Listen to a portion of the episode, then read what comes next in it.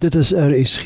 Dis nou tyd vir die vroegoggendgedagte, volgende aangebied deur Elise Potgieter van Pretoria. Goeiemôre luisteraars. Vrede laat ek vir julle na wat Jesus vir ons in Johannes sê. Die vrede wat ek gee, kan die wêreld nie vir julle gee nie. Beteken dit dat ons nooit van mekaar gaan verskil nie en dat ons nie van tyd tot tyd in stryd gewikkel gaan wees met iemand anders nie? Die antwoord is nee.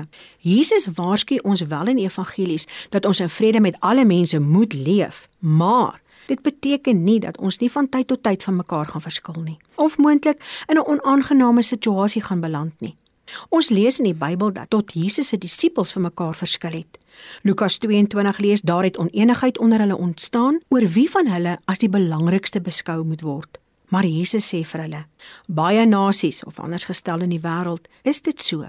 Konings speel oor hulle baas en die wat gesag afdwing laat hulle self weldoeners noem. Maar by julle moet dit nie so wees nie. Inteendeel, die belangrikste onder julle moet soos die geringste wees en die een wat die leier is, soos die een wat dien. Hiermee gee Jesus erkenning aan die feit dat ons wel vir mekaar gaan verskil, maar hy gee ook die oplossing. Hy leer ons dat ons nie soos die wêreld mekaar moet verskeur nie maar met sy liefde in ons moet ons die minste wees en ons broer en suster die meeste. Filippense 2:3 lees: Moet niks uit selfsug of eersug doen nie, maar in nederigheid moet die een die ander hoër ag as homself.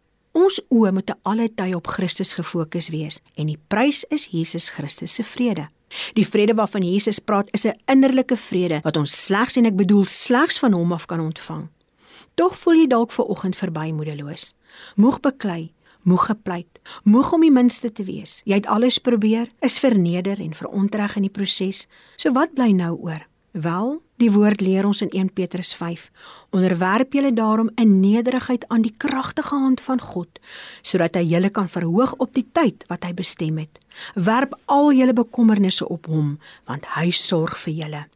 Jesus het dit baie duidelik gestel dat hy weet dat ons soms in baie moeilike geskille betrokke gaan raak. Situasies buite ons beheer, maar dat ons wel toegang het tot sy vrede. Ons moet net elke bekommernis wat ons het vir hom gee en bid dat sy wil sal geskied.